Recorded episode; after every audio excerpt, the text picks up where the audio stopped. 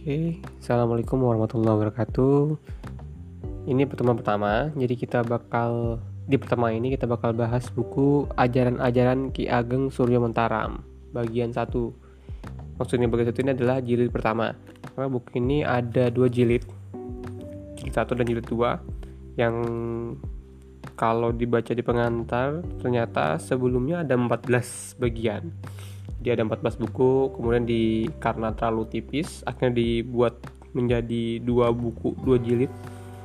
Dan dulunya buku ini buku-buku yang ajar-ajaran Ki Ageng Sulaiman ini dia berbahasa Jawa. Unik kan? Ini buku bahasa Jawa yang kemudian diterjemahkan ke orang ke ke bahasa Indonesia.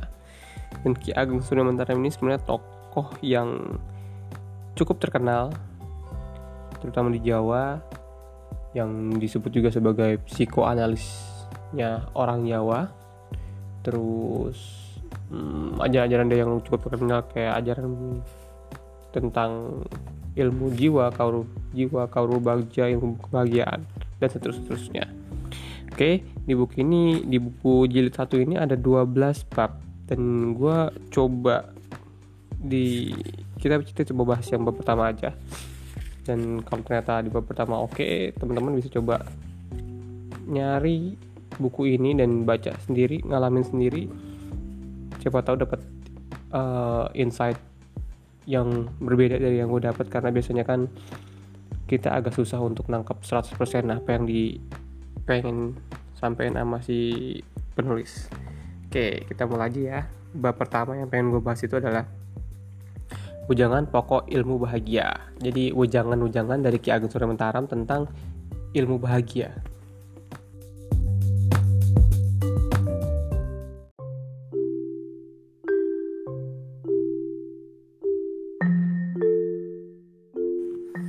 Nah, di Wejangan Pokok Ilmu Bahagia ini, Ki Ageng Surya Mentaram atau biasa singkat KAS itu mulai dengan senang susah ya mungkin kita semua tahu dan menyadari manusia itu biasanya nyari senang dan hindarin susah. Jadi semua upaya dilakukan untuk mendekatkan kesenang dan menjauhkan sebisa mungkin dari susah ya kan?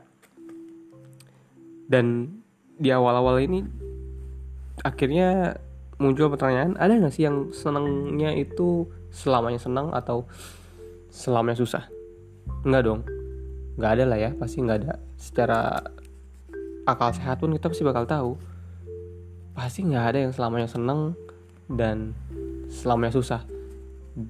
Kalau katanya ke Ageng ini bilang hidup tuh bentar-bentar seneng terus bentar lagi susah. Jadi seneng susah seneng susah datang ganti-gantian. Dan itu kayaknya udah common sense deh itu udah semua orang tahu. Cuman masalahnya tahu itu bukan berarti kita bener-bener memahami dan pakainya di kehidupan. Nah, yang lucu di sini, gue bilang lucu karena emang unik banget. Yang lucu di sini adalah pemahaman tentang mulur mungket. Jadi senang dan susah ini punya sifat-sifat, uh, punya sifat-sifat. Sifat-sifatnya ada mulur, ada mungket. Mulur itu berarti kayak manjang, mungkin memanjang. Jadi misalnya gini, orang itu awalnya hmm, pengen beli baju baru, pengen beli baju baru. Dia menganggap kalau dia bisa punya baju baru dia bakal ngerasa senang nah kan? Setelah dia dapat baju baru itu ternyata dia senang. Cuman senang sebentar abis itu senangnya nambah lagi mulur. Kayaknya kalau bisa beli celana baru buat ngelengkapin baju baru oke okay juga nih mulur. Udah dapet celana seneng. Cuman senang sementara nggak lama setelah itu mulur lagi kayaknya tambah jam tangan oke. Okay kayaknya tambah ini ini ini terus mulur tambah lama tambah uh, tambah banyak tambah menjauh. Jadi standarnya makin lama makin tinggi. Itu mulur. Jadi awalnya satu dapat satu ternyata satu plus satu. Udah dapat satu plus satu tapi satu plus satu plus satu lagi. Terus seperti itu itu mulur. Terus berikutnya sama. Eh berikutnya sifat dari susah senang ini adalah mungkat mungkat itu kayak tahu di mulur ini berkurang gitu. Jadi ini sifatnya si susah. Kalau tadi sifatnya si senang senang tuh mulur kalau si mungket itu uh, eh si mungket susah itu mungket jadi gini misalnya kita tadi pengen baju. Kayaknya kalau punya baju baru asik juga nih senang. Saya bakal senang. Cuman ternyata nggak bisa nih dapetin baju baru. Akhirnya dikurangin mungket. Ya udahlah nggak apa-apa. Kalau nggak ada baju baru juga baju bekas pun asalkan masih oke okay warnanya belum kucel belum gimana nggak apa-apa deh. Eh nggak dapet juga. Ya udahlah nggak apa-apa. Baju bekas juga yang agak kucel dikit juga nggak apa-apa. Terus berkurang-kurang sampai akhirnya udah nggak apa-apa lah penting ada baju buat dipakai. Itu itu mungkat jadi lama kelamaan sekeinginan kita ini dia bisa berkurang kadarnya. Jadi susah karena ngerasa susah ngerasa nggak ini standar standar senangnya tuh dikurangi.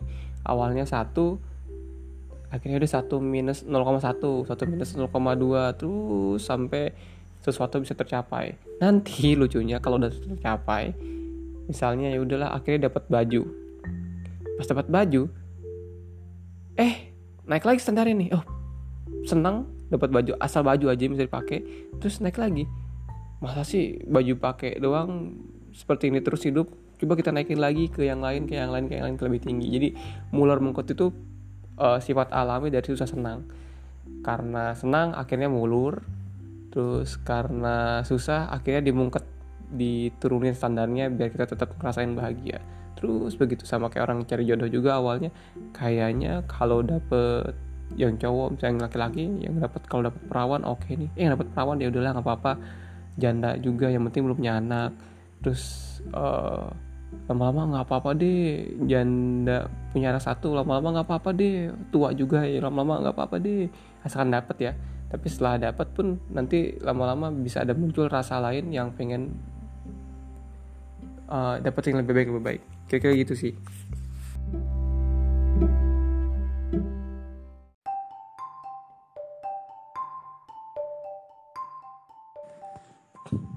nah jadi kan sebenarnya mau orang siapa pun dunia ini berikutnya Kagem Kagem Surya Mentara menjelasin siapa pun orang di dunia ini pasti ada perasaan pengen senang dan gak mau susah siapa pun itu.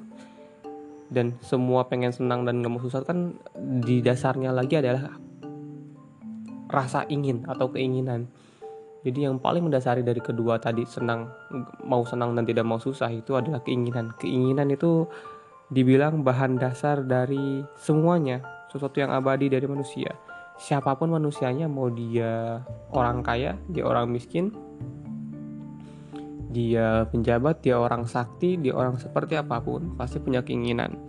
Itu udah pasti, nggak mungkin nggak. Nah terus karena keinginan ini dan sifat dasar keinginan nanti munculnya senang susah dan sebagainya yang dari mulur mungkot tadi itu yang lucu lagi kita kadang-kadang anggap si miskin beranggapan si kaya itu selalu selalu senang atau si kaya beranggapan si miskin itu selalu susah padahal nggak gitu juga karena kan sifat dasarnya karena ada keinginan karena ada uh, senang susah dan itu sifat dasar semua manusia. Jadinya ya si kaya pun nggak selamanya bahagia. Kadang bahagia bisa susah lagi. Si miskin sama. Kadang susah tapi ada bahagianya juga. Tuh susah lagi. Tuh udah sifat udah sifat alaminya kehidupan sifat alaminya perasaan manusia. Dan kalau orang bisa menyadari ini sesadar-sadarnya dia nggak bakal ada iri atau sombong. Ya ini bakal dibahas juga mbak kayak sementara. Ada iri ada sombong. Iri itu adalah merasa kalah terhadap orang lain dan sombong ialah merasa menang terhadap orang lain. Kenapa dia ngerasa kalah? Karena dia ngerasa orang lain tuh bahagia terus. Kenapa dia ngerasa unggul atau sombong? Karena dia ngerasa dia selalu menang dan orang lain tuh ada di bawah dia. Padahal sama aja. Mau orang kaya, mau orang miskin, mau orang pintar, mau orang bodoh pasti sama rasanya. Ini ngomong soal rasa bukan soal material materialistis yang dia punya material yang dia punya atau apa pun. Tapi soal rasanya sama rasanya. Bentar seneng bentar lagi susah. Bentar lagi seneng bentar lagi susah. Ganti gantian terus. Jadi nggak nggak abadi. Akhirnya kalau orang udah ngerti uh, bahwa sifat alaminya kehidupan itu senang susah si, si si kaya atau si miskin atau si pintar atau si bodoh atau si sakti atau si macam-macam penguasa atau orang di bawah pun pasti ada senang ada susahnya. Akhirnya mereka bisa merasa tentram. Merasa tentram dan tidak lagi merasa iri ataupun sombong. Iri ke orang lain yang terlihat senang terus kayaknya padahal nggak juga. Mereka senang susah senang susah juga. Atau sombong ngerasa kita paling senang dan lihat orang lain di bawah-bawah kita tuh kayak susah terus. Padahal nggak juga sih.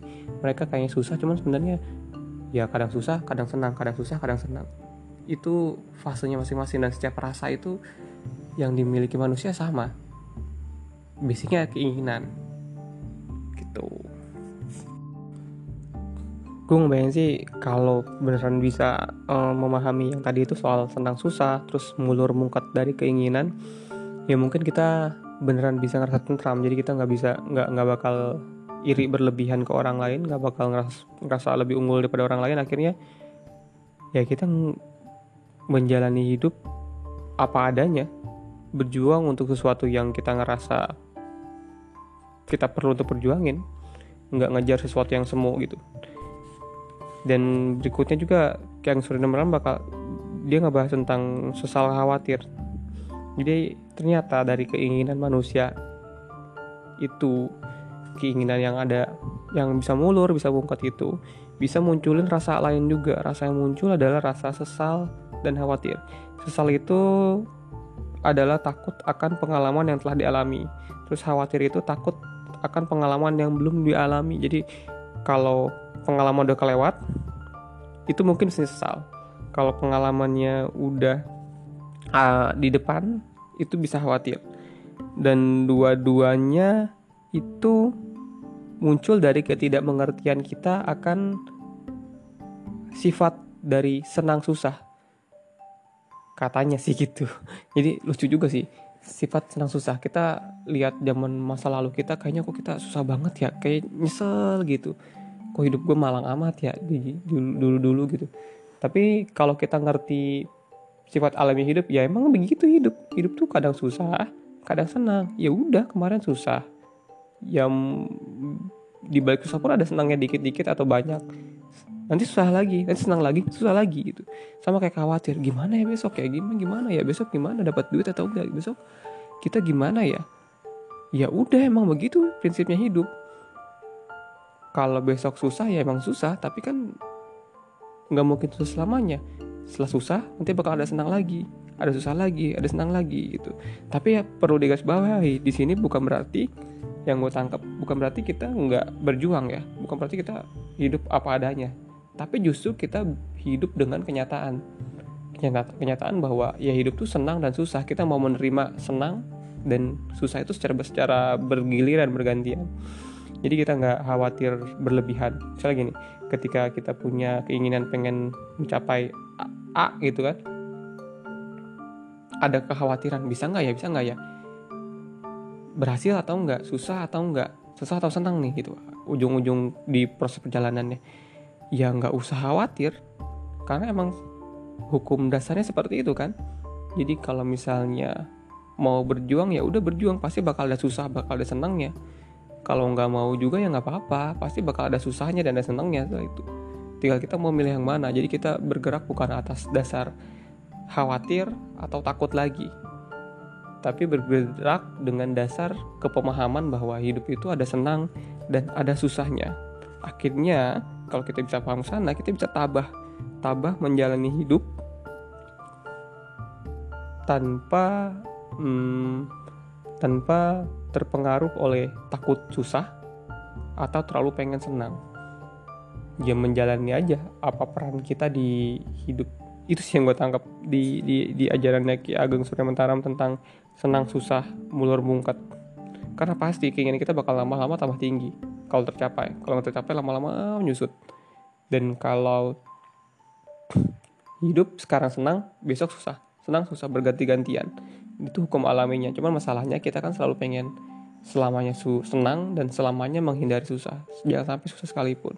Dan itu kalau kalau di yang gue tangkap juga itu adalah sumber penderitaan. Hmm, ini sebenarnya pemahaman lucu sih. Lucu banget. Karena lucunya itu udah beneran common sense pemahaman umum cuman iya ya. Kok bisa ya kita kagak sadar dan nggak nggak mengimani itu gitu dan di bagian terakhir bab pertama ini dia bakal kayak Agam Sunan Mataram ini bilang tentang mengawasi keinginan. Jadi si keinginan ini yang muncul di setiap manusia yang akhirnya munculin susah dan senang yang kadang mulur kadang mungkat ternyata itu bukanlah diri kita. Jadi orang yang udah bisa mengawasi keinginannya, lama-lama dia bisa tahu yang punya keinginan itu bukan gimana ya ngomongnya. Hmm, oke biar gampang gue baca aja deh di gue bacain di bagian bukunya. Manusia itu sama sekali manusia itu semua sama yakni abadi. Rasanya sebentar senang, sebentar susah, sebentar senang, sebentar susah, demikian seterusnya. Bila kebenaran itu dipahami, keluar, keluarlah orang dari penderitaan raka iri dan sombong, sesal dan khawatir yang menyebabkan prihatin, celaka dan masuklah ia ke dalam surga tentram dan tabah yang menyebabkan orang bersuka cita bahagia. Waktu dari sini mungkin kalau kita menyadari hukum-hukum atau sifat-sifat yang tadi, akhirnya kita nggak lagi terikat oleh susah senang.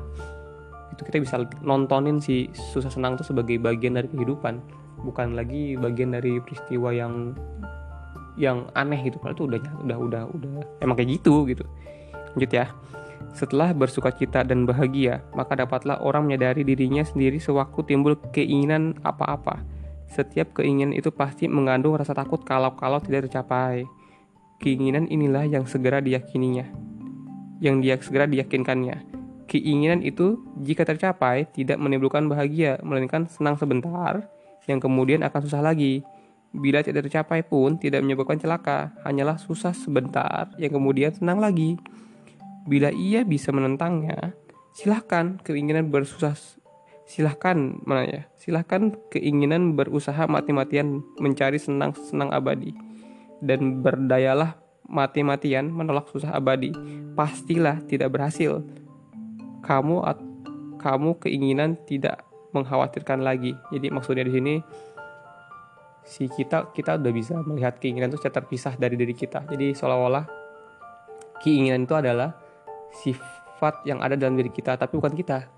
Jadi kita mengawasi keinginan. Si keinginan itu dia punya keinginan untuk mencap, mencari senang yang yang langgeng atau menghindari susah yang berkepanjangan yang eh yang ada. Akhirnya kita bisa ngomong ke keinginan yang ada dari kita kalau misalnya versinya si kakek Ageng ini yang orang yang udah bisa mengawasi keinginan dia bisa bilang ya sok aja. Mau nyari susah-susah mau nyari senang yang langgeng sok aja. Atau menghindari susah selamanya sok aja. Toh nggak bakal seperti itu. Nggak bakal bisa. Dia bisa ngomong ke keinginan.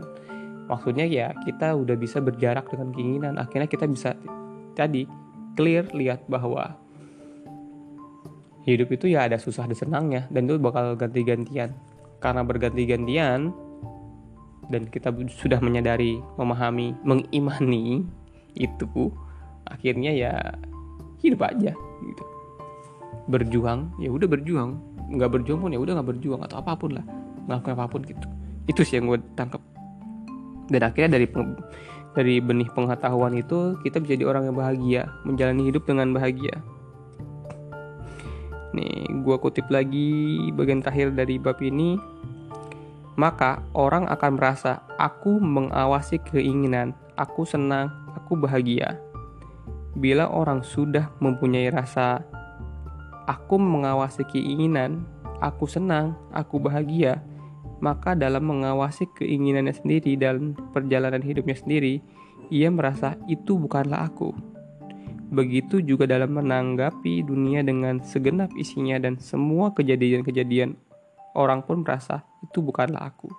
Jadi maksudnya ketika dia lagi susah atau dia lagi bahagia, dia udah bisa ngambil jarak bilang yang senang itu ya bukan aku, senang itu keinginan dia yang lagi senang. Yang lagi susah itu bukan aku, tapi keinginan dia lagi susah. Akunya itu adalah aku yang lagi melihat aku aku yang lagi melihat si keinginan bahagia atau lagi susah jadi bisa ngambil jarak Demikianlah rasa aku itu, bahagia dan abadi. Karena itu, di mana saja, kapan saja, bagaimana saja, bahagialah orang itu. Demikianlah pengetahuan orang hidup bahagia.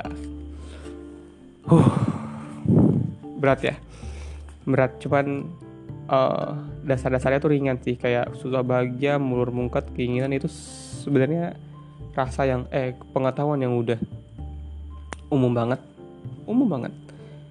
Tapi kita belum nggak mengeksplorasi ke sana ya. Dan jadinya nggak menyadari juga ya. Oke itu uh, sedikit penjelasan bukan penjelasan sih sedikit apa yang gue dapat dari ajaran-ajaran Ki Ageng Surya Mentaram jilid 1 mungkin meleset. Mungkin meleset. Karena ini jujur gue baca berkali-kali pun masih ada satu dua hal yang gue rasa belum belum belum belum sesuai gitu dengan dengan apa yang dimaksud sama si, pem, si penulis. Tapi mudah-mudahan ada sedikit manfaat dan kalau tertarik bisa beli buku ini ajaran-ajaran Ki Ageng Surya Mentaram di online ada yang jual oke gitu aja. Nanti kalau ada sesi kalau mau ada mau tanya atau jawab. Kita ngobrol aja tentang buku ini. Di bab-bab berikutnya masih ada bab-bab yang lain yang lumayan asik. Gue sebutin babnya ya. Bab berikutnya itu ada tentang hmm, bentar. Ada tentang ukuran keempat. Ukuran keempat ini mungkin kalau bahasanya sekarang tuh empati kali ya. Terus ada falsafah hidup ada rasa bebas rasa unggul rasa takut mawas diri tanggapan jimat perang rasa manusia seni suara dan terakhir ijazah hidup itu yang ada di jilid satu. Kayak gitu mudah-mudahan bermanfaat mohon maaf kalau ada salah kata dan ada pengetahuannya agak-agak kurang pas. Cuman yang gue tangkap dari bab satunya itu adalah senang sesuatu senang dan susah itu sesuatu yang lumrah sesuatu yang alami di kehidupan. Jadi nggak ada dan jadi nggak ada lagi harusnya kita nggak bisa nggak nggak nggak terlalu terpaku untuk pengen senang selamanya atau nggak mau susah.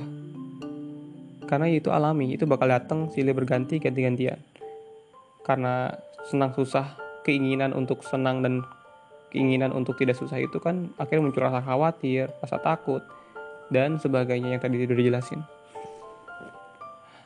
Coba deh kalau kita bisa memahami ini mengimani ini dan nerapin di kehidupan mungkin hidup kita bisa lebih lebih cesplong lagi lebih santai lagi.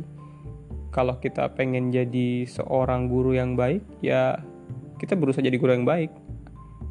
Ketika ada susah nyampe datang ke depan kita ya emang itu hukum alaminya kan susah pasti datang. Jadi kita bisa menerima susah itu secara utuh bukan lagi susah yang dibumbu yang dibumbui sama ketakutan lagi sama kekhawatiran. Bukan susah yang dibumbui lagi sama perasaan yang lain tapi susah. Ya udah susah ini susah.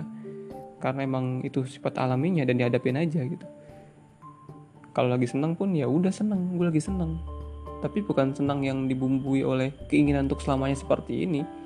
Tapi realistis ya seneng bakal susah lagi. Jadi kita nggak nggak akhirnya nggak kayak orang yang terbuai dengan mimpi di kejayaan masa lalu dan di sekarang masih tetap hmm, tetap terhipnotis oleh sesuatu yang pernah kita dapat.